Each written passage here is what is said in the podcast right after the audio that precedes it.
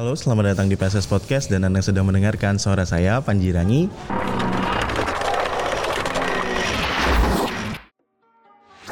Dan saat ini saya sedang bersama salah satu idola dari supporter Sleman, ada Coach Danilo.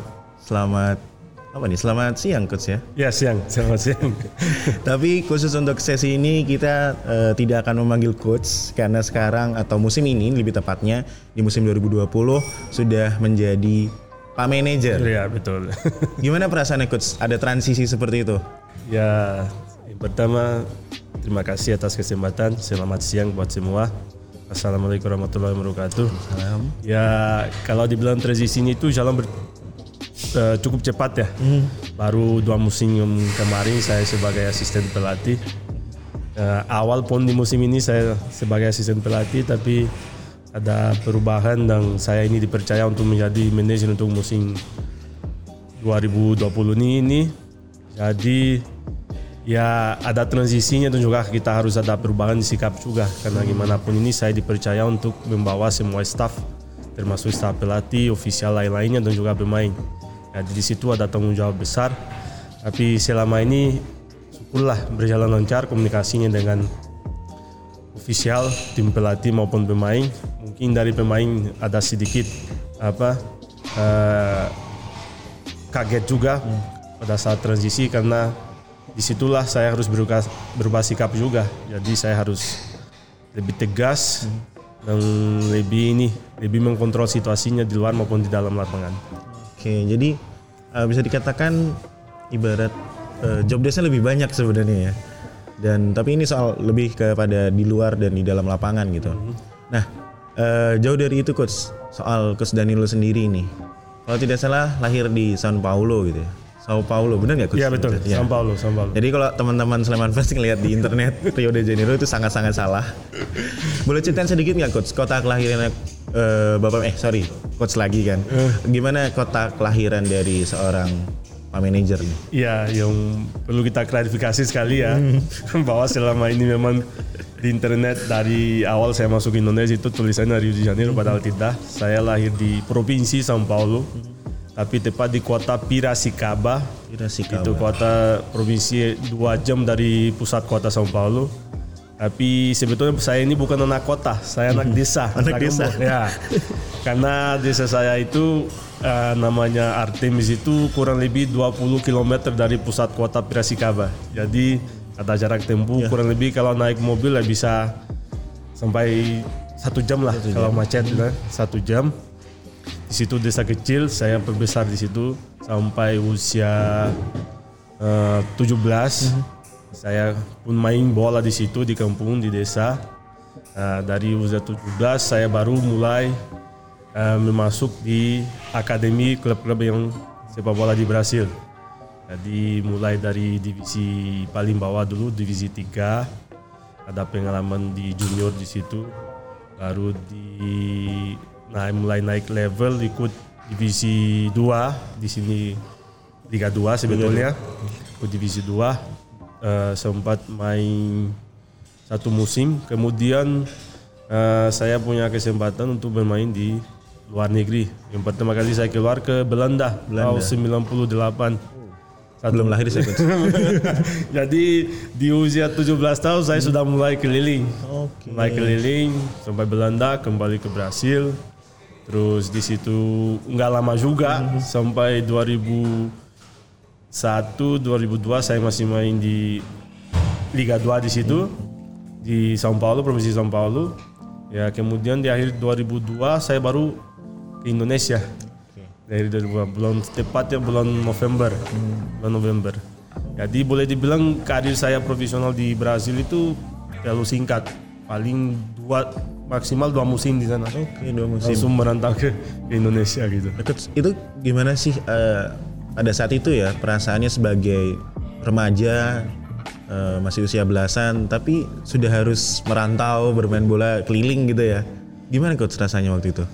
Memang waktu itu saya dari kecil memang cita-cita itu jadi pemain bola profesional. Dan syukur alhamdulillah saya disupport sama orang tua saya kedua-duanya. Bapak maupun ibu itu senang bola juga.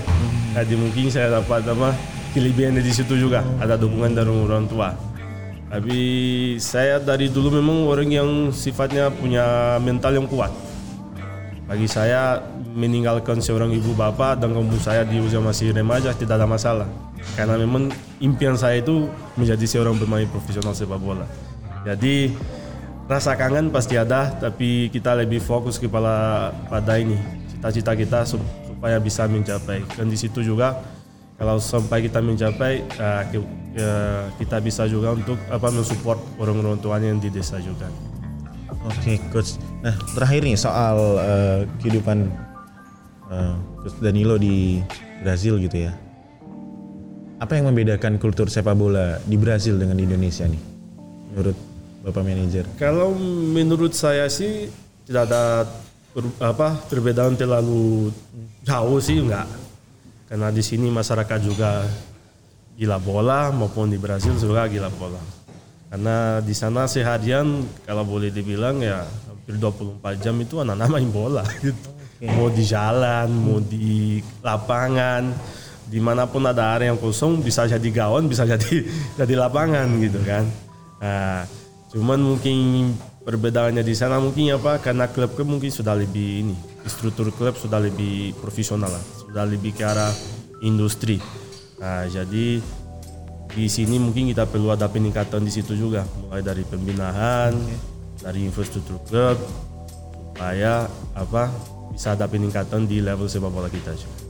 Ya benar banget sih. Jadi emang walaupun uh, bisa dikatakan untuk hari ini per, uh, pergerakan klub untuk menjadi profesional sebenarnya lebih maju gitu ya. Tapi kayaknya masih bisa lebih baik lagi gitu di tahun-tahun yang akan datang. Begitupun juga dengan PSS. Nah ngomongin PSS nih coach. Uh, ada banyak pertanyaan nih sebenarnya dan kita juga sebenarnya agak-agak bingung nih membedakan yang namanya uh, manager, coach manager itu bedanya apa sih sebenarnya coach?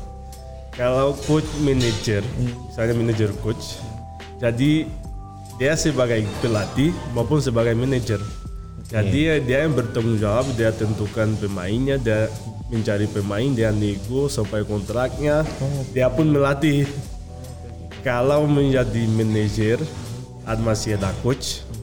Jadi coach tinggal men referensi pemainnya seperti yang dia mau. Jadi manajer nanti yang bergerak untuk masalah nego kontrak jadi manajer coach dia tentukan pemainnya dan nego sama pemainnya dan melatih pemainnya itu sudah ya jadi sudah jadi semua tapi karena kita masih di Indonesia ini masih ada manajer masih ada coach mm -hmm jadi tugas seorang coach sementara di sini dia itu referensi pemainnya, dia pengennya siapa. Mm-hmm. Nanti yang bergerak itu seorang manajer untuk masalah nego kontrak. Eh, jadi seperti itu ya teman-teman Sleman Fest nih. Jadi emang manajer dan coach itu sebenarnya berbeda tugasnya, tapi saling ini menurutku saling membutuhkan satu sama lain ya. Saling membutuhkan karena apa di situ juga kan kita apa sering ada ini koordinasi masalah program, masalah hmm. pemain kita itu seorang pelatih tidak bisa tentukan semua sendiri pasti harus ada hubungan dengan seorang manajer untuk program-program yang kita akan terapkan dalam persiapan maupun dalam liga atau maupun saat kita libur kita itu harus ada komunikasi selalu. Oke. Okay. So kalau untuk uh, seorang pak manajer Danilo nih di PSS tugasnya apa aja nih selama ini yang udah dilakukan hmm. kalau klub? kalau saya selama di PSS yang terutama itu saya sudah dapat amanah dari direktur kita uh, Pak Marco uh, tentunya saya ini semua staff-staff ofisial pelatih maupun pemain itu saya saya bertanggung jawab dalam arti saya harus mengarahkan semua di posisi masing-masing di pekerjaan masing-masing, di tugas masing-masing supaya tim ini tetap kondusif. Kondusif dalam arti masing-masing di tempatnya punya tanggung jawab. Dia sudah tahu yang harus dikerjakan dan kerjakannya dengan benar. Supaya tim ini setiap hari, setiap saat itu uh, berjalan lancar. Jadi kemarin pun sama eh, yang pertama saya dapat untuk masalah renegosiasi masalah kontrak pemain. Alhamdulillah kita bisa bertahankan 100% semua. 100% semua. Memang di situlah jadi pengalaman baru bagi saya. Karena selama ini sebagai asisten begitu menjadi manajer sudah dapat nama untuk masalah renegosiasi. Nah saya cukup ini apa senang juga karena saya maupun asisten saya Mas Iksan kita bisa laksanakan dengan baik dan sudah mendapat kata-kata sepakat dari semua pemain maupun ofisial. Uh, itu pengalaman baru dan sangat oh, iya. berarti. Silakan mbak artinya masih banyak-banyak nanti yang tugas-tugas yang akan muncul itu yang menjadi pengalaman bagi saya mudah-mudahan dengan tantangan baru ini saya bisa maksimal di situ bisa membawa apa um, keinginan dari atasan-atasan kita untuk PSS Sleman ini ke depan itu menjadi lebih baik. Amin. Dan memang apalagi di kondisi pandemi ini yang susah banget ditebaknya eh, klub sepak bola banyak yang kehilangan pemainnya dan lain sebagainya tapi untung saja dan mungkin juga berkat eh, kerja dari eh, Coach Danilo dan tim berhasil mempertahankan 100% nih eh, komposisi untuk tim kita menghadapi Liga 1. By the way coach ini ada minuman dari Riva Coffee. Kan? Terima kasih. Ini biasanya enak coach tempatnya. Kalau saya favorit Chill, itu cappuccino. Cappuccino, ya? cappuccino ya. Hot cappuccino tanpa gula. Tanpa gula. Karena yang gula itu sebetulnya bukan kopi. Tapi yang yang jahat itu gula. jahat gula. Aduh. Jadi ini buat teman-teman Seman fans, Boy bisa banget nih ke sini ke Ripa Coffee karena tempatnya chill, santai, terus bisa nongkrong, enak kopi. ngerjain enak kopinya enak juga. Kopinya, suasana enak semua. Uh, ini coach, soal uh, mungkin sekarang menjadi manajer dari PSS dan di musim lalu sempat menjadi asisten manajer. Terus di beberapa tahun yang lalu sempat menjadi seorang CEO gitu. Sebenarnya seorang Danilo Fernando tuh pinginnya yang mana sih sebenarnya? Jadi bertanya juga nih. Yang mungkin lebih cocoknya di mana sih? Ngerasanya nyamannya itu di mana gitu kalau saya itu merasa nyaman itu hmm. ada di dalam sepak bola Oke, apa pun itu ya apa pun itu hmm. kalau bagi saya itu tugas sangat penting mau jadi seorang coach hmm seorang manajer, seorang CEO atau GM atau apa. Mm-hmm. Yang terpenting pengalaman saya sebagai pemain maupun sebagai seorang profesional, mm-hmm. saya bisa ada di dalam sebuah klub dan bisa membagi juga untuk teman-teman yang lainnya. Mm-hmm. Yang terpenting saya itu apa pun jabatannya yang terpenting itu terhubung dengan sepak bola. Sepak bola ya. Kayaknya kalau nggak ada sepak bola nggak ada seorang Danilo Fernando ya. sudah sudah jadi daging darah itu. Daging dan darah. nggak bisa. Bisa. Aduh. Oke, okay, menarik banget nih obrolan kita. Dan uh, ini last question banget ini. Ada nggak niatan di masa yang akan datang ya untuk menjadi pelatih utama gitu atau manajer coach dari PSS? Kalau saya sih di masa akan datang saya harus belajar lagi.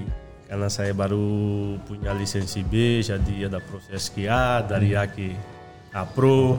Bah, jadi ya boleh dibilang mungkin butuh sekitar mungkin 3-4 tahun lagi lah. Hmm. tapi memang harapan saya ke depan dengan sepak bola yang modern sekarang manajemen yang ini apa istilahnya industri sepak bola industri saya pengennya jadi seorang manager coach. Manager coach ya karena di Indonesia kita tahu belum belum ada Nah, harapan saya di situ dan mudah-mudahan sampai saya mencapai impian saya ini, ya saya tetap berada di PSS Sleman. Itu harapan saya. Amin, amin, Dan uh, aku juga berharapnya seperti itu. Semoga Coach Danilo bisa long last lah sama PSS. Dan mungkin obrolan kita cukup sekian untuk episode ini. Terima kasih uh, Pak Manajer karena di musim ini menjadi manajer dari PSS. Terima kasih atas waktunya. Dan terima kasih juga buat teman-teman yang udah dengerin Sleman Fans di mana pun kalian berada. Sampai jumpa di episode selanjutnya Story of Super Elja.